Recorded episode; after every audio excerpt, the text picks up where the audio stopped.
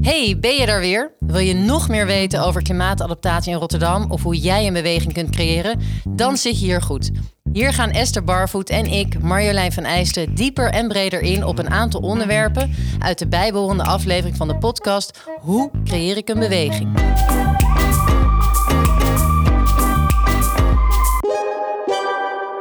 Hadi luisteraar. In deze bonus verschillende onderwerpen die in aflevering 4 niet meer aan bod zijn gekomen. Johan, Marjolein en ik praten nog even verder over de sessies die wij organiseerden en hosten. We blikken terug op hoe we dat praktisch aanpakten. En we praten door met het voormalig jong WSR-lid Nora Prins. We praten met haar door over hoe het is om die enthousiaste, gedreven jong professional te zijn en hoe je dan omgaat met het systeem van de organisatie waar je in zit. Maar we beginnen met het gesprek met Johan over het hoe en wat van onze sessies. En we starten bij de strategische community in Blue City in de zomer van 2019. Wat het leuke was, we begonnen in die cirkel. De eerste grote cirkel volgens mij. Uh, het was nog op 18 juli 2019 volgens mij. Echt? Ja, joh, het was echt een gave dag. Ik vond het te gek, maar het was heel mooi, want het past ook in de ruimte van Blue City. Ja, het was een ronde ruimte. Ja, de, de, echt een grote cirkel. Het was een hele ja. grote cirkel. En uh, we begonnen met uh, een check-in. Wat we eigenlijk altijd doen. Maar ook uh, vrij snel daarna om iedereen vroeg om te gaan staan. Hè, nadat in uh, Odeir aan het woord was geweest. En waar woon jij? Dit is Rotterdam. Uh, oh ja, we hebben die levende kaart gedaan. Ja. Van wel, ja. En was het ook niet welk, stad van de, welk stuk van de stad spreekt jou het meeste aan? Ja, of waar heb je gedaan. wat mee? Ja. Ja. Ja. ja. ja. Overigens misschien wel leuk om even te zeggen. Odair had volgens mij een spoken word, een gedicht ook over klimaatverandering. En dat je en um, hoe je elkaar um, de verbindenis met elkaar vindt. Het ging ook over inclusiviteit, staat me bij. Ja, inclusiviteit en klimaatverandering. Ja. ja. Maar goed, dus toen, toen hadden we die levende kaart gedaan en toen? Ja. Nou, dat leverde al een hoop leuke energie op. Ja, heel leuk. Heel leuk foto. Ja, en uh, volgens mij hebben we toen uh, Bart van Veenendaal Klopt. gevraagd. Ja, ja uh, projectontwikkelaar van Stepru. Um, om zijn verhaal te vertellen. Ook hoe hij kijkt naar deelname aan de Club van 36. dat gesprek met elkaar aan te gaan. En, en volgens mij is een aha-moment. Het moment van Oh, ja. op welk Oh, ja. het, het moment dat hij van gewoon ontwikkelaar eigenlijk ging naar een duurzaam groen ontwikkelaar. Dat hij ineens Ja. die, die, die klik viel van wacht even.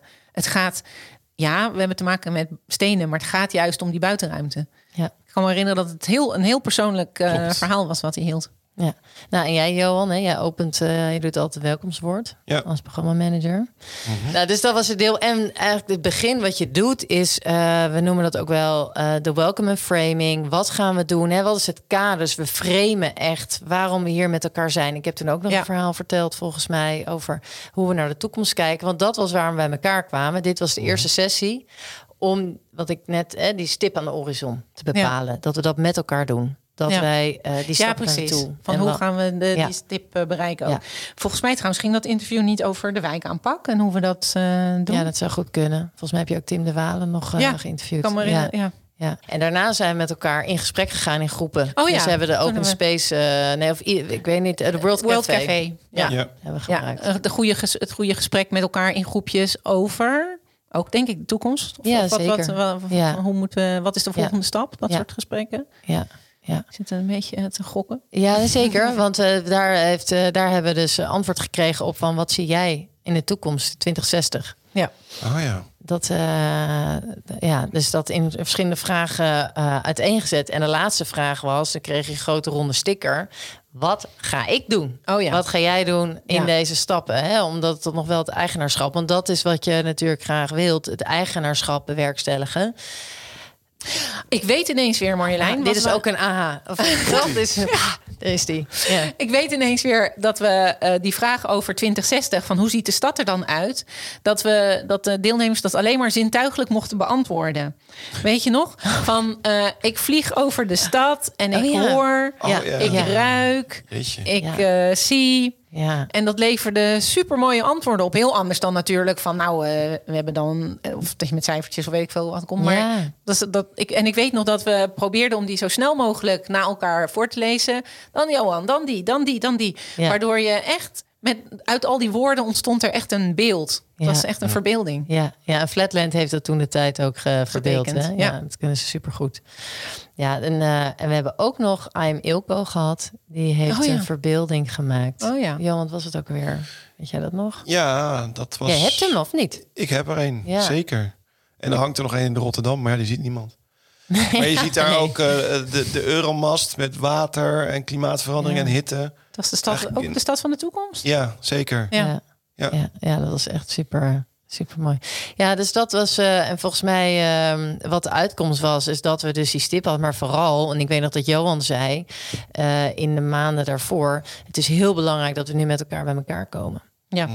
Dat was zo, hè, dat je, jullie waren natuurlijk met elkaar in gesprek op, eh, was het toen op bestuurlijk niveau? Klopt, Ja. bestuurlijk, een directie. Ja, Ja, en, eh, en toen werd het echt, want je, je kreeg ook de vraag van, hey, wanneer gaan we nou bij elkaar komen? ja. En dit was de eerste sessie. Ja. En dat was, eh, nou ja, volgens mij was dat dus ook gelukt om dat gevoel weer, we doen het samen. Het zet goed de toon neer van hoe je met elkaar omgaat. En eh, dat Ja. je er echt samen aan werkt. Ja, Wat ik heel even wou zeggen, want dat vond ik eh, zo gaaf aan die eh, strategische community sessie die we hadden in eh, ehm, Blue City. Dat we die, eh, die plukbar hadden. ja, We hadden eh, een stel jonge ontwerpers eh, en conceptueel ontwerpers. Die hadden um, een hadden we gewoon voor de koffie hadden ze allemaal soorten gras en groen uit het uh, volgens mij uit het voedselbos als Ja. ik het goed heb uh, waar je thee van kon maken maar er waren ook uh, chocolaatjes met voedsel uit de toekomst. Dus ze hebben Ja. vooruit geblikt Ja. en dachten, hey, wat kan je nou uit de stad halen? En wat kan je daarmee maken? Dus ze hadden ook volgens mij van die eh, bepaalde zwammen of Ja, zoiets. En dan ja. in chocola. Ja, en ja. eh, ja. Ja, en, en dat. ehm, en we hebben ook eh, daar uh, Odair Innocentio gehad, die, die de, de sessie eigenlijk opende met spoken word. Eh, de kring opende daarmee eigenlijk. En wat ik daarmee wil zeggen is dus dat je, dat je aan de ene kant die mensen ehm, ja, op een andere manier in gesprek wil brengen met elkaar.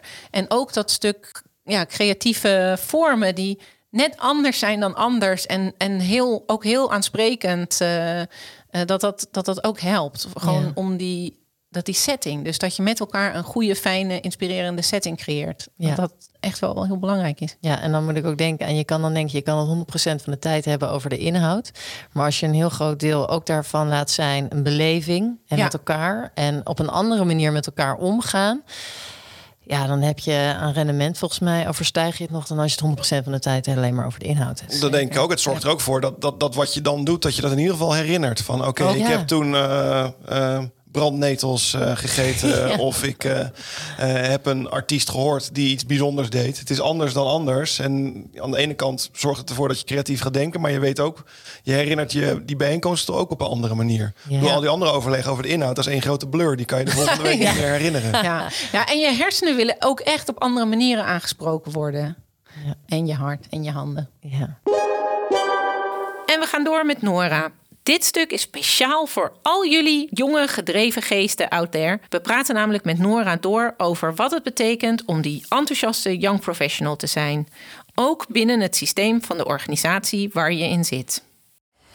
Ik was. ehm, ja, ik was altijd een soort van combinatie van heel erg eager en ook een beetje kat uit de boom kijken. ja, als ik het zo zeg, denk ik, nou, dit is een interessante combinatie. Als ik dat in een bewegingsvorm zie, denk ik, gaan. Oh nee. Nee, toch niet, toch niet. Nee, omdat ik zeg maar, dus ik was, ik was heel eager om te doen, om impact te maken, om te leren. Maar ook heel erg bewust van het feit dat er heel veel mensen zijn met heel veel ervaring waar je heel veel van kan leren.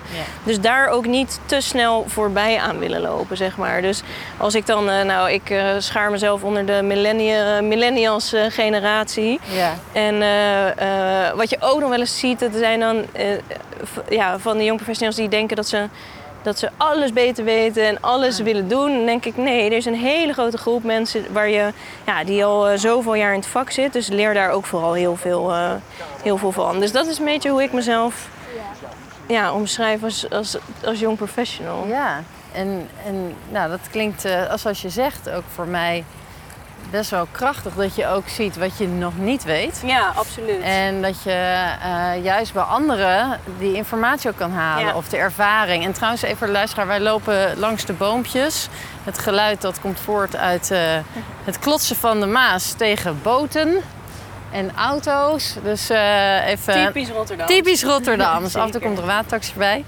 En eh, want eh, heb jij dan een persoon of een organisatie of I don't know, waar jij dan je informatie haalde, je kennis? Ehm, nou, kijk, wat ik wel altijd heel leuk vond om te doen, was om dat netwerk voor mezelf heel breed te maken. Ja.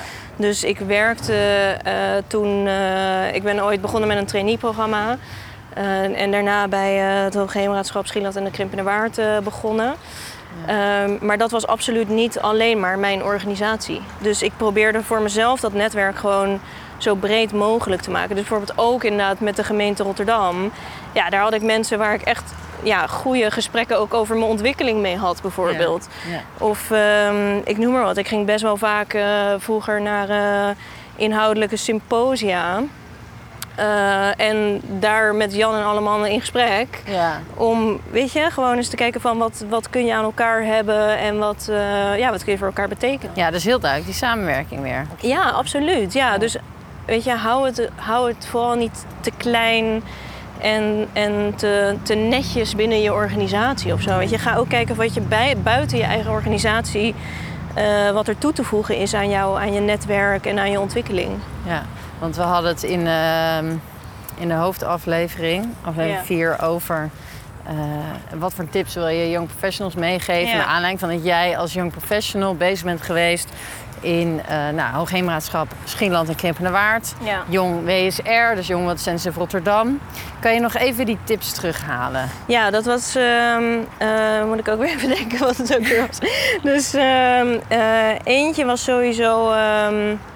Eh, de, de- ja, Ga dat je, gewoon. ja, dus inderdaad, ga gewoon. Wees niet, eh, wees niet eh, te bang. Vraag niet te veel om toestemming. Nee. Ga gewoon en je hoort het vanzelf wel als het, als het niet goed is. En de tweede die voor mij heel belangrijk is, is zorg dat je met mensen net even wat meer hebt dan alleen maar puur zakelijk. Ja. In ieder geval voor mij werkt dat heel goed. Omdat je dan gewoon op een, andere, op een ander niveau met iemand in, ges- in gesprek kan gaan. En meer van elkaar ja, aanneemt of zo. Weet Ja. je? Dat, eh, dat heel erg, ja. Ja, dat inderdaad is me ook heel erg blijven hangen bij jou. Van die, op het moment dat je ook op een andere manier met iemand verbindt, Ja, vind je elkaar later makkelijker. absoluut. Alleen daarbij denk ik ook wel, dat is ook wel jezelf openstellen. Ja. Want soms kan het heel makkelijk zijn om in een soort werkmodus te zijn. Ja, ja dat, dat klopt. En, en daar, heb ik aan het, ja, daar heb ik ook wel moeite mee gehad aan het begin. Omdat ik vond dat ik super zakelijk moest zijn. Ja. Zo van, ja, dat wordt nu van je verwacht. Maar Ja. misschien juist wel door Jong WSR of, of door zulke soort dingen... dat ik merkte van, hé, hey, dat hoeft helemaal niet. Nee. Weet je? je kan ook gewoon eh, zeggen dat je dingen niet weet... en Mhm. eh, jezelf openstellen daarin. Ja. Eh, en dat werkt eigenlijk misschien wel veel beter. Ja. Maar dat heb, je, ja, dat heb jij denk ik ook wel ervaren zo. Ja. Ja, want ik dacht zelf ook als young professional, ik moet alles kunnen. Ja, En dan had ik die weten. aanname gedaan. Ja. Ja. ik moet alles weten. Oh, moet ik die presentatie geven voor eh 15 directeuren als eh, jonge vrouw in het Engels? Ja. Oké. Ja, dan moet ik op alles antwoord weten. I'm going to nail this one. Ja. Nou ja, dan leg je jezelf natuurlijk behoorlijk wat op. Ja. Dus die, die kwetsbaarheid, dat zit- komt nog helemaal niet in je, in je Mhm. Nee. professionele vocabulaire nee. voor. Nee. Eh, nee, maar dat heb ik dus ook heel erg moeten leren. En, Ja. dat, en dat kwam bij mij wel samen met een soort ehm, eh, zelfvertrouwen. Dus Ja. op een gegeven moment ben je wat langer aan het werken en heb je gewoon het vertrouwen in jezelf dat je, dat je het wel kan. En Ja. Ook al dat je op het moment dat je iets niet weet, dat het niet erg is. Want je hoeft niet alles te weten. Je kan dan gewoon zeggen van, eh, ja sorry, hier heb ik de informatie niet over, ik ga het aan mijn collega vragen. Ja. Dat is echt prima, Ja, weet je. Ja, ja, ja. Nou, ja, en als je hem dan ook zo doortrekt naar dat je die jong WCR, hè, WCR is natuurlijk een beweging. Ja. Jong WCR met eh, de jonge honden, de jonge enthousiastelingen, de begeisterde eh, personen die echt vanuit het hart ook iets voor Rotterdam wilden betekenen. Ja. Hoe durfde je dat gevoel te volgen? Of dat je, dat, dat je daar naar luisterde? Eh, nou, dat kwam ook omdat we met elkaar waren. Ja. Dus ehm, eh, we waren gewoon met een groep mensen die eigenlijk allemaal ongeveer in diezelfde, om en nabij diezelfde fase zat. Ja. Ehm, en met elkaar sta je daar gewoon sterker in. Ja. Dat is echt wel waar. En ik heb ook een trainee-programma gedaan. En dan zat je ook met twintig trainees die allemaal in hetzelfde schuitje Ja. zitten. Ja. Dus dat sterkt je wel in, eh, ook in het vragen aan elkaar. Van, loop jij hier ook tegenaan? Weet je, hoe zie jij dat? En juist dat spiegelen aan elkaar en met elkaar... Ja. Ja, dat helpt gewoon heel erg in het, in het ontwikkelen van dat vertrouwen in jezelf. Ja. ja. En ehm, nou, je bent nu eh, ongeveer midden 30. Ja, Young professional af. 30, ja. Want volgens de boekjes ga je dan die Young professional titel Ja, ja, dat achter je laten. Ja, jij zei net, we hangen er geen leeftijd aan. Nee. Maar dat klopt, ja. Ja. Eh, wat doet dat met je? Nou, ik merk dat ik daar af en toe wel eh, moeite mee heb of Ja. zo. Ja, want ehm, dat klopt. Dus ik hoor nu niet echt meer bij de mensen die net begonnen zijn. Ik, ben, ik heb al acht jaar werkervaring inmiddels. Ja. Ehm, dus ja, je zit, eh, ja, je kan zeggen dat ik nu medior ben, Ja. zo noemen ze dat dan. Ehm, maar ik merk dat ik dat soms wel lastig vind, want ik, het liefst wil ik nog wel bij de young professionals horen. En, maar ja, aan de andere kant denk ik dan ook van waarom moet je dan die stempel hebben? Je kan ook als medior kan je op zo'nzelfde manier aan het werk zijn. Dus volgens mij is het heel erg een manier van zijn en een manier van denken en doen dan alleen die stempel young professional. Ja. Dus volgens mij kan je de rest van je leven zo blijven kunnen. ja, dat geloof ik ook. Ja. Ik ben dat in ieder geval wel blijven Ja, doen. precies, ja. Nu jij dit zo zegt, want dat heeft denk ik ook te maken met aanpassen aan het systeem waar je in Ja, zit. absoluut. En als Ja. jonge hond voel je nog, ah, je kan van alles Ja, ontdekken en ja. doen en ervaren. En juist tegen, nou, ik bedoel, heilige huisjes schoppen, eh, Ja. dat rebelse. Maar waarom kan dat niet meer als je Ja. midden 30 bent? Of Ja. als je medior bent of senior, weet je? Ja, volgens mij moeten we dat gewoon lekker blijven doen. En eh, ja, dan een beetje inderdaad dat systeem tegengaan. Nou, hartstikke leuk. Ja, en dat is zeker. Zorg gewoon ook voor dat je je eigen stijl vindt, je eigen persoon. Weet je, en natuurlijk, voor de ene is het veiliger en fijner om mee te gaan ergens in. Ja. Maar degene die iets voelen, borrelen of denken, ja, ik wil het anders, Ja. ga gewoon je eigen pad daarin Ja, vinden. precies. Ja, ja, en inderdaad eh, niet te veel bezig zijn met stempels of ik heb wel deze functie of niet of dit of dat. Weet je, gewoon doe het lekker wat goed voelt en heb plezier in je werk. Weet je? Dat is denk ik het allerbelangrijkste daarin. Ja, ik zeg amen. Amen. Hey Nora, dankjewel. Geen dank, leuk gesprek. Vond ik ook. Dat was het voor deze bonus, mensen. Luister ook naar onze andere bonus van aflevering 4 met de voortzetting van ons gesprek met Jaap Peters. Bedankt voor het luisteren naar deze bonus. En denk je nou, dit moeten meer mensen horen? Dan sharing is caring. Dat is goed voor je karma. Tot de volgende!